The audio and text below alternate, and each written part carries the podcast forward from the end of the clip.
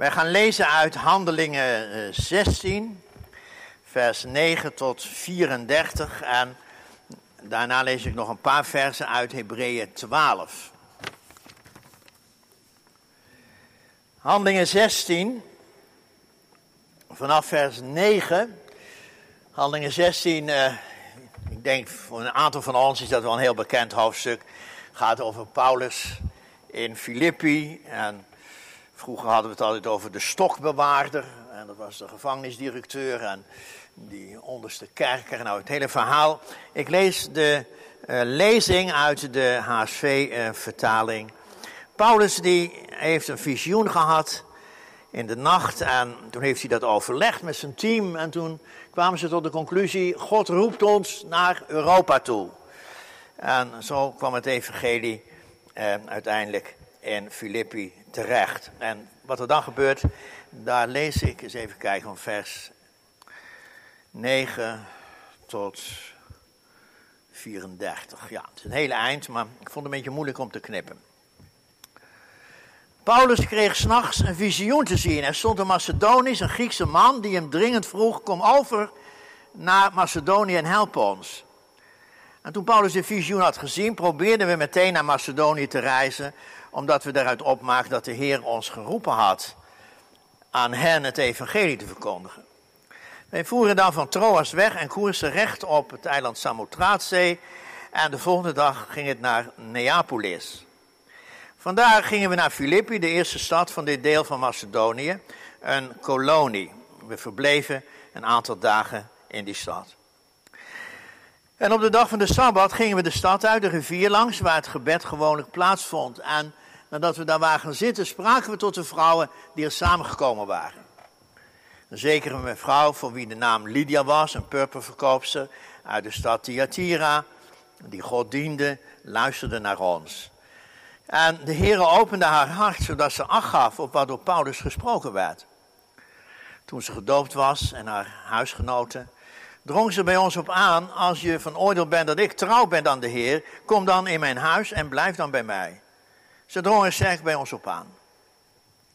Het gebeurde toen we naar de plaats van het gebed gingen dat een zekere slavin, die een waarzeggende geest had, ons tegemoet kwam. Die verschafte haar meesters, haar heren, veel inkomsten met waarzeggen. Zij liep achter Paulus en ons aan en riep voortdurend: Deze mensen zijn dienstknechten van God, de Allerhoogste, die ons een weg naar de zaligheid verkondigen. En dat deed ze vele dagen lang. Maar Paulus, die zich daaraan ergerde, keerde zich op een bepaald moment om en zei tegen die geest: Ik gebied je in de naam van Jezus Christus uit haar weg te gaan. En die ging op hetzelfde moment uit haar weg. Toen haar meesters zagen dat hun hoop op inkomsten verdwenen was, grepen ze Paulus en Silas, sleurden hen naar de markt voor de stadsbestuurders. En nadat ze hen naar de magistraten gebracht hadden, zeiden ze: Deze mensen verstoren de orde in onze stad. Het zijn namelijk Joden. Ze verkondigen gewoonten die wij niet mogen aannemen en ook niet mogen naleven, omdat wij Romeinen zijn. De menigte kwam als een man tegen hen in verzet. De magistraten rukten hun de kleren af, gaven hun bevel met stokken te slaan. En dat ze hun veel slagen hadden toegediend, wierpen ze hen in de gevangenis en geboden de supier hen zorgvuldig te bewaken. En toen die dat bevel had gekregen, wierp hij hen in de binnenste kerker en zette hun voeten vast in een blok. En omstreeks middernacht baden Paulus en Silas. Ze zongen lofzangen voor God. En de gevangenen luisterden naar hen. En er vond plotseling een grote aardbeving plaats, zodat de fundamenten van de gevangenis bewogen werden. En onmiddellijk gingen alle deuren open en raakten de boeien van alle los. En de cipier die wakker was geworden, zag de deuren van de gevangenis open. Hij trok een zwaard, hij zou zichzelf gedood hebben, omdat hij dacht dat de gevangenen ontvlucht waren. Paulus riep echter met luide stem: Doe jezelf geen kwaad, wij zijn allemaal hier. En toen hij om licht gevraagd had, sprong hij naar binnen en hij begon erg te beven. En hij viel voor Paulus en Silas neer. En hij bracht hen naar buiten en hij zei: Heren, wat moet ik doen om zalig te worden? Zij zeiden: Geloof in de Heer Jezus. Geloof in de Heer Jezus Christus en je zult zalig worden, jij en je huisgenoten. En ze spraken het woord van de Heer tot hem en tot allen die in zijn huis waren. En hij nam hen in het nachtelijke uur met zich mee. Hij was hun striemen en hij werd onmiddellijk gedoopt en al te zijnen. En hij bracht hen in zijn huis. Hij richtte een tafel voor hen aan en hij verheugde zich dat hij met al zijn huisgenoten tot geloof in God gekomen was. Tot zover de eerste lezing. Ik lees een paar versen buiten Hebreeën 12 daarbij. Vermanende woorden, in de positieve zin dan. De apostel die schrijft, laten wij met volharding de loopbaan lopen die voor ons ligt. Terwijl we het oog gericht houden op Jezus, de leidsman en voleinde van het geloof. Hij heeft om de vreugde die in hem in het vooruitzicht was gesteld, het kruis verdragen en de schande veracht. En hij zit nu aan de rechterhand van de troon van God. Let scherp op hem, die zelfs zoveel tegenspraak van zondaars tegen zich heeft verdragen. Opdat je niet verzwakt en niet bezwijkt in je ziel. Dit is het woord van God. Amen. Handelingen 16, dat is elk jaar een uh, prachtig om te lezen, te luisteren, over na te denken. Er staat ook ontzettend veel in. En daarom heb ik geprobeerd me een beetje te concentreren. Ik laat heel veel liggen. Maar mij gaat het vooral om die zin van Paulus en Silas, die in de gevangenis uh, bidden en zingen. Dat is, uh, even kijken, dat is vers 25. Omstreeks middernacht baden Paulus en Silas en zongen Gods lof. En de gevangenen luisterden naar hen. Bijbel in gewone taal, dan staat het zo. Midden in de nacht waren Paulus en Silas aan het bidden en ze zongen lofliederen voor God. En de andere gevangenen luisterden ernaar. Gemeente van Jezus Christus, jongens en meisjes. Ik zat te denken aan een uh, jonge vrouw die bij een bijbelstudie over dit verhaal op een blijndiscursus of een geloofscursus, ik weet niet meer helemaal precies, maar ik weet nog dat die vrouw spontaan zei, dat zou ik nou nooit kunnen, zei ze. Dat zou nou nooit kunnen onder zulke gemene angstomstandigheden God lof zingen en prijzen. Ik denk uh, dat ik alleen maar heel, heel bang zou zijn. Heel angstig. En ook heel kwaad. Zulke typen die je zoiets aandoen. Kwaad dus en boos. En misschien ook wel boos op God, want ja, let God nog wel op. Op ons. Ik zou vooral heel veel huilen, zegt ze. Ze. Misschien wel de hele dag. Of ja, wordt dat van je verwacht als christen, dat je onder zulke omstandigheden toch gewoon doorgaat met psalmen zingen en die evangelische versjes en zo. En nou ja, dan zit bij mij wel niet goed, dominee. Ik heb echt wel iets met God, ik heb zelfs heel veel met God. Maar dit zingen als je zo gemeen gepakt en, en zoals Paulus en Silas, respect, respect. Maar ja, dat zou, dat, zou ik dus nooit kunnen, zei ze. Ja, ik weet niet meer wat ik precies heb gezegd toen maar in elk geval wel zoiets als, nou, dat wordt ook zo wel niet verwacht van je. Want God loven en prijzen op zulke momenten, dat, ja, dat is niet vanzelfsprekend hoor. Ook niet onder christenen. En dat was er zeker ook niet voor Paulus en Silas. En die beginnen ook niet meer zo te zingen. Het is zelfs al midden in de nacht, het is uh, eh, 24 uur. Als andere gevangenen in die gevangenis in Filippi hen horen uh, bidden en zingen. Midden in de nacht, omstreeks middernacht, baden Paulus en Silas en zongen God lof. Ja, en wat deden ze dan om 11 uur? Of om 8 uur die avond? Ja, daar vertelt Lucas dus niks over, maar het valt wel op dat die lofzang pas begint, zeg maar zeggen, in het, in, in het hart van de duisternis, 24 uur, hè, om 12 uur s'nachts, daar begint het. En die hele avond dan uh, hoor je ze nog niet. Hè. Je hoort ze pas midden in de nacht. God prijzen in de nacht van het leven, in het donker van het kwaad. En dat is nooit een prestatie van je geloof of zo.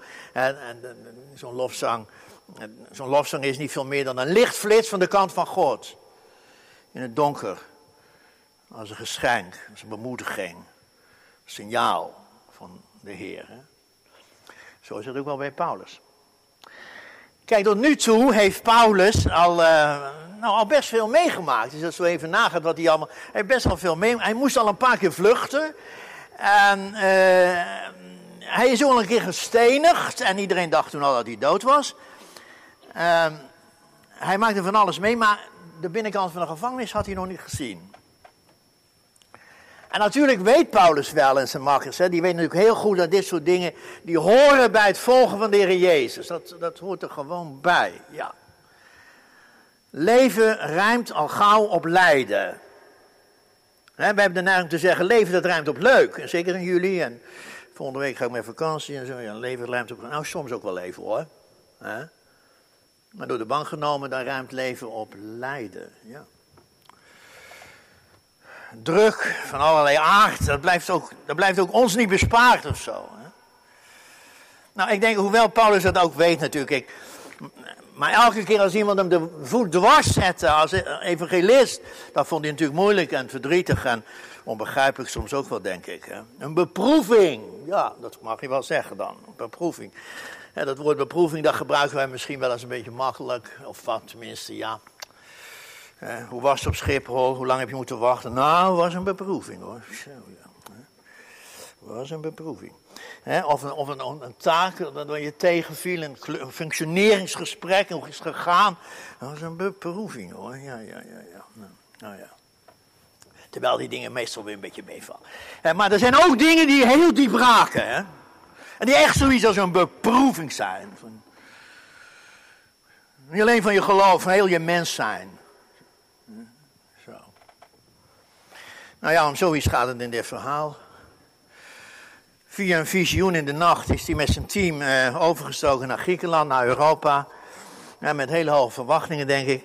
Maar het werd aanvankelijk helemaal niks. Tenminste, nou ja, er, waren niet veel contacten. Alleen met een zekere mevrouw uit een dure uh, stoffenwinkel, Lydia geheten. Kwam tot geloof, liet zich dopen met een gezin. En ja, mooi denk je verder nu. Ja, maar zo werkt het niet. En een paar dagen later, toen raakten Paulus en Silas, eh, zijn medewerker, in een hele vijandige situatie. En heel de stad viel over hen heen en ze werden bont en blauw geslagen. En even later ja, in de gevangenis van de stad eh, gegooid. Met open wonden, denk ik, nou zo. Hè.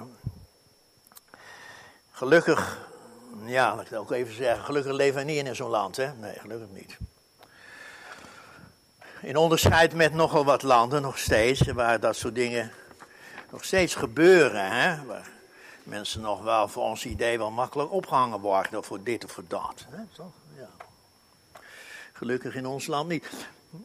Overigens, hè, laat ik dat ook, oh, in, ook, ook in, in land als het onze, hè, dan kunnen mensen soms heel negatief doen hè, over je geloof. En laten zien dat ze niet blij met je zijn. Hè? Dat je een gelovige mens bent en daar ook uit wil leven. Dat ze daar niet blij mee zijn. En als het over God gaat, hè, dan voelt de sfeer soms heel vijandig. Niet leuk. Nee. En ja, als dat al een lijden van Christus zou mogen heten. Hè, ik ben er voorzichtig in, maar je moet het in elk geval nooit zoeken. Je moet het niet koesteren, je moet het niet uh, opzoeken. Hè dit soort dingen. Maar ja, soms is er ook geen ontkomen aan. En dan, dan, dan kan het ineens zo zijn dat je toch iets moest zeggen. En dat je toch op moest staan en zo. Ik zat even aan, aan, aan, Mozes te denken, die liep daar rond. En ja, op een bepaald moment, ja, toen gaf hij toch die klap. Ja, ja die Egyptenaar kon niet meer navertellen. En, en zo ging het hier ook met Paulus natuurlijk in Filippi. En Paulus die was uh, nergens op uit. Hij zocht geen conflict. Maar op een bepaald moment, dan zegt Lucas, eh, begon een jonge vrouw op straat om achterna te lopen. Een vrouw met een waarzeggende geest, een meisje nog in de macht. Hè, helemaal in de macht van die geest. Lucas die legt voor ons dat omstandig uit. Hij zegt dat meisje werd geëxploiteerd door een aantal mannen. Hè, die die, met, uh, die aan haar goed geld verdiende, omdat ze die waarzeggende geest had. Dus was een soort straatwaarzeggerijen, straathoroscopie of hoe noem je dat. Maar zo'n horoscoop. En, en, en die verdiende goed geld uh, uh, met, die, met, met, met het meisje. meisje, zo staat er eigenlijk nog. Een paar keer trouwens worden deze mannen heren genoemd. En dit stuk viel me gisteren weer op hoe vaak het woord heer en heren erin staat. Hè? En hier ook deze mannen die worden heren genoemd, curioi. Maar meestal zijn dit soort heren alles behalve heren natuurlijk. Misselijke misbruikers, eh, als studeren ze in Amsterdam, dat maakt niet uit hoor. Nee, nee. zijn geen heren. Nou ja, dat meisje liep Paulus maar achterna. En ze riep, deze mensen zijn dienaren van de Allerhoogste God en verkondigen hoe je gered kan worden. Een hele korte samenvatting van Paulus' een preek, maar goed. In eerste instantie had Paulus ook niet gereageerd. Uh, zich bewust dat hij natuurlijk geen onrust uh, wilde stoken. Hè, bij een paratent of een bordeel.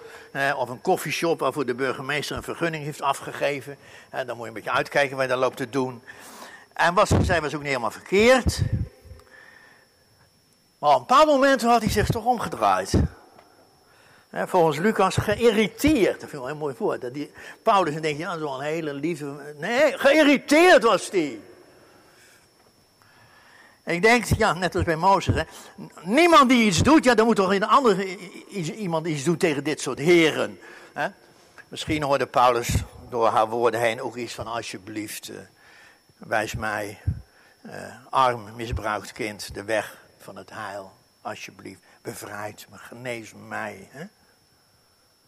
En ja, toen had Paulus zich dus toch omgekeerd en die boze geest bestraft. En de naam van Jezus ver, vertrek. En die geest die vertrok. Hè? Nou, dat meisje eh, werd niet langer meer door die, die, die mannen eh, misbruikt. Uh, een mens, nee, zoals een mens, een vrouw. Een mens van God, een mens voor God. Hè? Zo, heel mooi zoals dat hier gebeurt. Hè? Die Heer hadden nakijken voor de Heer met hoofdletters. Ja, zo was dat, ja. Ja, ik wil maar zeggen, kijk, dit gebeurde zomaar. Zo'n moment kan er zomaar ineens zijn. Op je werk bijvoorbeeld. Onder vrienden. Uh, in sommige families dan razen ze maar door. Hè? Dan nou ja, razen maar door over de islam en over die en die en al die LHBT-mensen en de gay pride. En het is heel veel stikstof en boeren die het moeilijk hebben. Hun land wordt afgepakt en aan de migranten gegeven. Hè. Vooral die mensen uit die moslimland, die krijgen... Hè. Ja, en zo, hè, zo Trump places deze week ook nog eventjes. Hè, van, als je dit allemaal zo hoort, dan denk je wel eens, ja, kan ik, zal ik nog wat zeggen? Of hoe zit dat? Hè? En, en zo zijn er andere situaties dat je denkt, ja, ik vind het niet prettig. Ik moet hier wat zeggen en ik neem het voor iemand op. Nou, zo Paulus dus, samen met Silas en toen kwam hij in de gevangenis.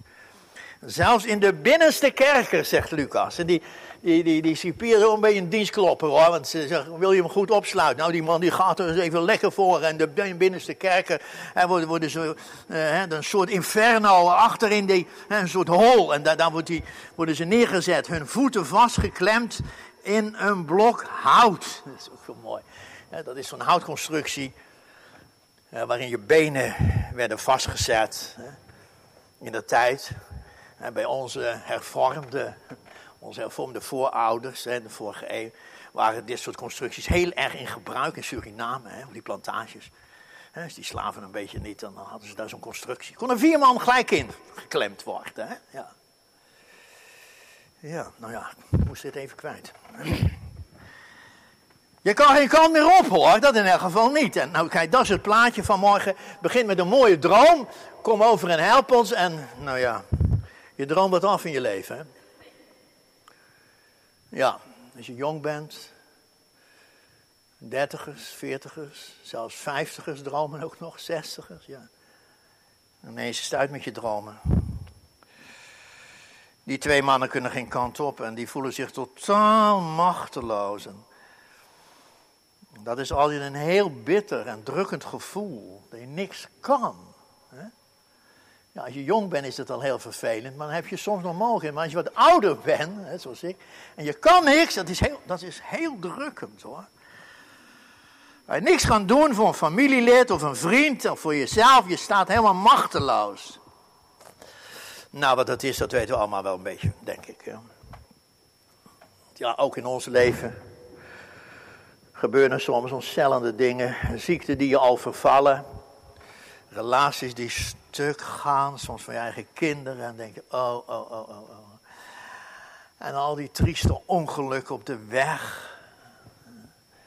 Zelfs ook nog op vakantie, een kano die omslaat. En, nou ja, er zijn van die momenten waarop we tegen elkaar zeggen... Ja, nu, nu kunnen we eigenlijk alleen nog bidden. Hè? Dat zeg je dan. Hè? Nu kunnen we eigenlijk alleen nog bidden. Nou ja. Als het nog kan dan. Hè? Nou, zoiets gebeurt dus hier in dit verhaal, hè, zo midden in dit verhaal. Rond middernacht, Paulus en Silas bidden en ze zingen God lof. Tja, ik zei al meteen, uh, dat was niet acht uur en dat was ook niet negen uur. Want in zo'n situatie, dan, dan doe je niet zomaar. Hè. En, dat, en dat moet je ook niet meteen van zulke mensen verwachten. dat ze uh, meteen inzetten, laat hem besturen waken. of, Heer, u bent bij, u bent altijd bij me, iedere dag. En zo. Nou, nou, even, even wachten, even wachten nog. Hè. Ja. Je kunt ook wel eens te vroeg inzetten. Te vroeg inzetten, omdat je misschien denkt dat je als christen dat toch eigenlijk zou moeten. Ja, ik ben ook van de Sint-Jan, dus dan zou dat toch eigenlijk moeten omdat je een volging van de Heer Jezus bent, of dat je een kind van God bent en je bent heel bewust, heb je voor de Heer gekozen en een taak opgenomen, een ambt misschien wel, maar je moet je eigen niet forceren op dit punt. Je kunt ook te vroeg inzetten. Omdat je bang bent om je echte gevoel hè, van teleurstelling toe te laten. Een gevoel van angst en van ongeloof. En dat je in een hele diepte wegzinkt en zo. Om dat bij je toe te laten. Je, je durft er het donker niet meer in. Je aanvaardt de dingen maar zoals ze zijn. En dan zing je ook nog een beetje mee. Maar dokter Ojager die heeft eens gezegd. Nou, dat is als zingen om zes uur hoor. Maar toen was Paulus nog niet zo ver. En, en Silas kennelijk ook niet. Dus ja, als ik nou aan de jonge vrouw zit te denken bij die Bijbelstudie ik zou het nooit kunnen. Ja, jij zou het ook niet kunnen. Ja, maar Paulus die, die gaat ook niet meteen van start. Wij ook niet. Zeker niet in een situatie waarin het leven heel rauw aanvoelt. Het leven kan zo rauw aanvoelen dat je, nou ja, alsof je in de onderste kerken van Filippi beland bent. Ehm,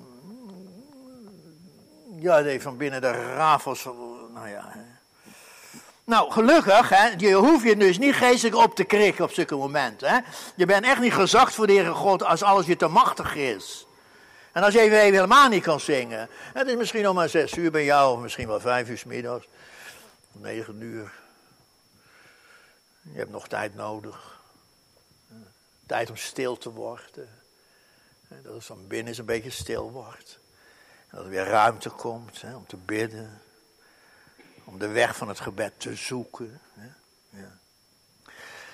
Nou ja, zo hoor je dat in elk geval hier in dit uh, verhaal. Hè. Het is al midden in de nacht. Dus ik vind dat een heel mooi. Ik vind dit een, echt een heel mooi detail.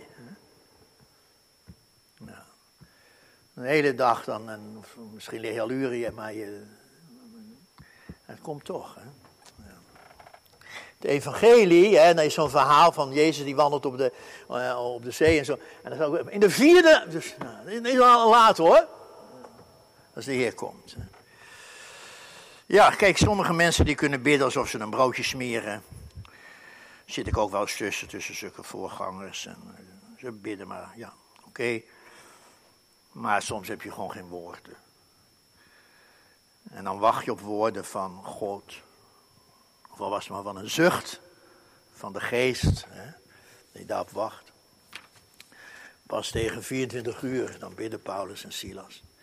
En ze zingen God lof. Hè. Ze gingen wel eerst bidden. dat laat zich heel vaak ook niet tegenhouden. Ook als je denkt, ja, ik wil helemaal niet. Maar kijk, een mens, een mens als zodanig zit zo in elkaar. Augustinus heeft gezegd, u hebt ons naar u toe geschapen. Dus wij staan al richting God van huis uit, zou ik maar zeggen. Dus, dus ja, ook al zeg je niks, maar dan, dan is je bestaan eigenlijk al als mens een soort gebed naar God. En een paar woorden komen al gauw. Oh God, oh God. En Amerika houden die mensen altijd zo, oh my God. Oh my God. Ik vind het soms wel een hele geloofsbeleid, als dat zeggen. Omdat ik het zo kan voorstellen, dat je gewoon niet veel meer hebt te zeggen dan dat. Ja, kijk, bidden in situaties van angst en schrikken, dan, dan, uh, dat bidden is vaak eerst alleen maar huilen, huilen naar God toe. En je zo bergen bij de Heer. En, en dan gaat smeken. En dan, Heer, alsjeblieft, hè, doe mij recht. Hè, doe haar recht, doe hem recht. Help, help ons alsjeblieft. Zo gaat het in heel veel psalmen toe. Hè. Ja, dan kan je dit soort gebeden eh, lezen. Beroep op Gods trouw, genade. Hè. Vaak trouwens ook vragen van, Heer, sta op. Sta eindelijk op. Ja, zo ook, hè. Zo wordt ook gebeden. Of een beetje stiller. Mijn omzwerving. Heer, u weet het. Doe mijn tranen in uw kruik. Dat is ook zo'n hele menselijke zin. Hè? Doe mijn tranen in uw fles. Heer, wend uw aangezicht me nog eens vriendelijk toe. Alsjeblieft, zoiets. Hè? Ja, ik weet niet wat Paulus allemaal gebeden heeft in dat donkere gat. Hè? Maar psalmwoorden, psalmwoorden komen... Je bent een zegen als je psalmwoorden... Hè? toen ik in Duitsland dominee was, ik was toen heel erg jong en dan had ik te maken met allerlei mensen die dan twee, drie keer zo oud waren als ik. En die hadden in Rusland in zulke kampen gezeten, hè, van die, ja, jonge soldaten, Duitse soldaten. Ik weet nog dat een van die mensen tegen mij zei, als je dan daar op je lag met die Russen. En, en, en, en dat hij zei, wij waren zo blij dat onze dominee ons heel veel psalmen uit ons hoofd had leren. Die, die, die zei je voor je uit, zou ik maar zeggen. Die gaven jou vast. Ja, ik weet niet precies, maar nou ja, psalmwoorden. Het gebed is toch zoiets. Hè? Stanley Jones die zegt ergens dat is, zijn de zeilen van een schip. Hè? Die moeten omhoog. Ja, dat zag ik op een blaadje staan met allemaal van die gezegden. Er stond ook nog een gezegde op van Toon Hermans. En die zei dit. Bidden is de adem van mijn ziel wakkert het vuur aan in mijn hart, is de warmte van mijn leven. Zo. Die toon, grappen maken, maar hij snapt ook iets van het gebed. Hè? Ja, we horen hier dus niet wat er gebeden werd. Om redding misschien, om geloof, dat de Heer opstaat, iets doet.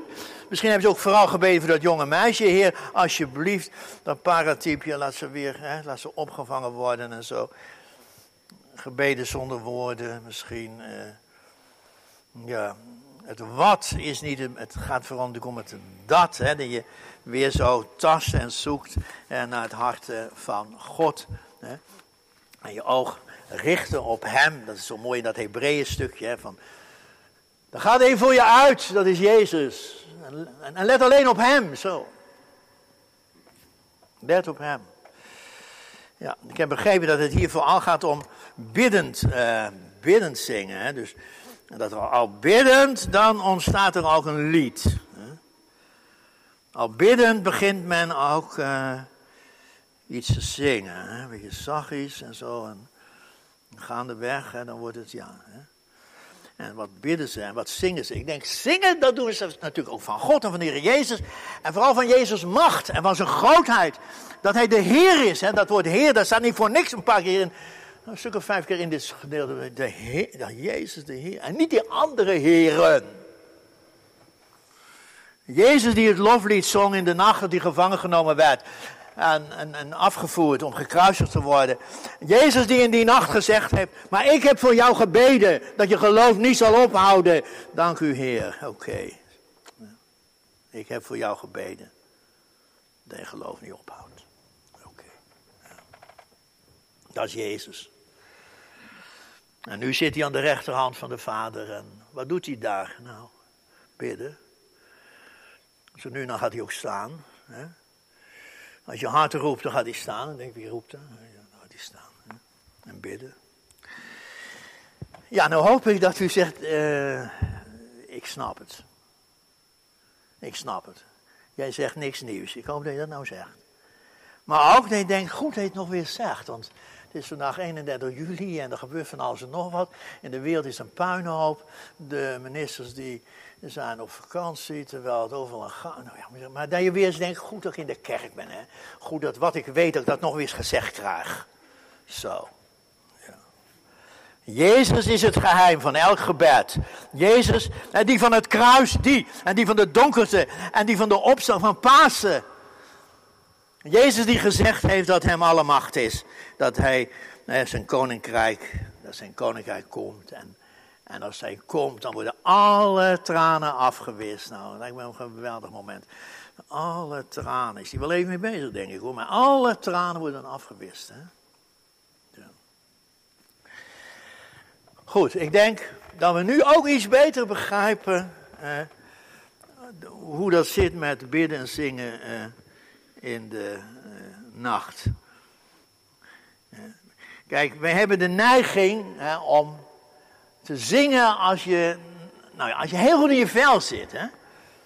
Als alles oké is, met je geloof, met je relatie met God, met je relatie met je man of je kinderen, noem maar op. En ja, om te kunnen zingen, dan moet het bij ons allemaal goed zitten. Hè, om fijn God te kunnen worshipen, hè, dan moet je niet allerlei problemen en zorgen hebben. Anders dan nou ja, dan kan je ook niet toevertrouwen. Ja, dan denk je zoals dat meisje bij die Bijbelstudie uh, God lof zingen in de gevangenis. Moet dat? Moet dat nu? Ik heb nu even geen zin hoor. Ik trek dat niet. Zoveel geloven heb ik niet. Psalmen zingen in de nacht. Ik zou dat nooit kunnen, zei hij. Hè? Ja. Ja, toch, het mag, het mag lang duren. Hè? mag lang duren. Wachten, hè, wachten op God is ook een manier van geloven. Hè? Het is ook een gestalte van geloof. Wachten. Wachten op God. Want kijk, het donker zal het licht nooit winnen. Hè? Die zal, het donker zal nooit winnen van het licht, van de morgen. De morgen komt, zeker. En zo zingen Paulus en Silas. Midden in de nacht. Met het oog op Jezus, op de belofte van zijn macht en zijn koningschap. en zo zingend, dan drijf je alle duivels op de loop. Hè? Dat zei Luther dan. Hè? Ja. Luther was ook zo'n mens die heel vaak aangevochten was. En daarom ook zo graag zong. En zelf ook liederen hè, schreef. Hè? Luther, echt zo'n singer-songwriter. Maar, maar ook en gelukkig zijn er, hè, tegenwoordig, zijn er ook weer veel momenten om samen te kunnen zingen. Hè? Op allerlei manieren ook. Ook als je zo even kijkt op je mobiel en, en nou ja. En in Filippi waren ze trouwens ook met z'n tweeën in dat gat. Hè? Dan zaten ze toch met z'n tweeën. En denk aan het huis van Lydia. In de tijd dat ze daar gewerkt hebben, dan weet niet, een aantal weken denk ik. Maar er zijn toch allerlei mensen in het huis van Lydia. Merk je even later dat er toch allerlei broeders zelfs zitten in dat huis. Maar zouden die doen? Ja, die bidden natuurlijk voor die mensen in de gevangenis. En die zullen ze nu dan ook wel gezegd hebben. Laten we nu maar eens even zingen. U zij de glorie opgestane Heer. Want dat moet ook gebeuren. Ja. En dat wij bijna twee jaar niet mochten zingen. Ook hier niet. Hè? Nou, dat was toch wel een Beproeving, ja, een grote beproeving. Dat is gelukkig voorbij. Gelukkig voorbij. He, is nog een aardig detail zo. Maar Lucas vertelt dat als Paulus en Silas aan het zingen, dat dan andere gevangenen ook luisteren. Zo mooi is dat. Letterlijk staat er gevangenen, staat er geboeiden. Mensen die geboeid zijn, die zitten misschien ook met hun benen in zo'n houtblok of zo geboeiden. Nou ja, dat geboeiden is natuurlijk een woord dat ook bij ons heel veel kan oproepen. Want er zijn nogal wat bindingen. Hè? En dan bedoel ik negatieve bindingen. En angsten waar je in vast zit. Trauma's die je heel je leven meesleept. Verslavingen waar men, waar niet mee klaarkomt. Verbitteringen, boosheid, beschadigingen. Waardoor je al je vertrouwen in mensen en ook in God kwijtgeraakt gebeurt allemaal. Bindingen. Ze baden en ze zongen God lof. En Die mensen die zo gebonden waren, die, die kregen weer hoop. Hè? Die kregen weer hoop op God. Ja. Nou ja, en tenslotte even later dan gebeurden er hele onverwachte dingen. Een aardbeving die schudt heel de gevangenis om elkaar. Alle celdeuren springen open. Alle boeien vallen van hen af. Vraag me niet hoe dat gegaan is, maar het gebeurt. Ja. Misschien zeg je meteen, maar zoiets gebeurt toch zelden hoor. Ja, dat mag waar zijn. Dat weet ik ook wel. Ik weet het heel goed zelfs, ja. Maar, kan ik u zeggen, eh, zolang wij samen bidden, samen zingen, zolang zijn we toch vol goede moed hoor. En ook de mensen die het niet kunnen, die het helemaal niet hebben, of die zeggen ik trek het niet, ook die. Dat alle macht aan de Heer Jezus gegeven is, aan de rechterhand van zijn Vader. En dat zijn koninkrijk komt, hè, dat is toch waar we naar uitkijken. En overal hoor je kraken in deze wereld. Het kraakt soms ook in ons eigen leven, maar het kraakt in Europa. Overal kraakt het al van die nieuwe wereld van God, dat koninkrijk dat komt. En dat niemand meer bang is. God zegt aan het eind, ik ga alles nieuw maken. Ik denk, nou heer, dan heb je wel wat te doen hoor. Ik ga alles nieuw maken, hè, staat er in het laatste hoofdstuk van de Bijbel. En dat gaat gebeuren en dan gaat hij ook ja, wonen en tranen afwissen, dat soort dingen. God gaat alles nieuw maken. Nou, dat heeft hij gezegd. Jezus zegt dan ook, ik ben met je nog een kleine tijd. Hou nog even vol, kleine tijd. En bidden wordt dan toch een lofzang. Niets kan ons scheiden van de liefde van God, welke is in Christus Jezus onze Heer. Amen.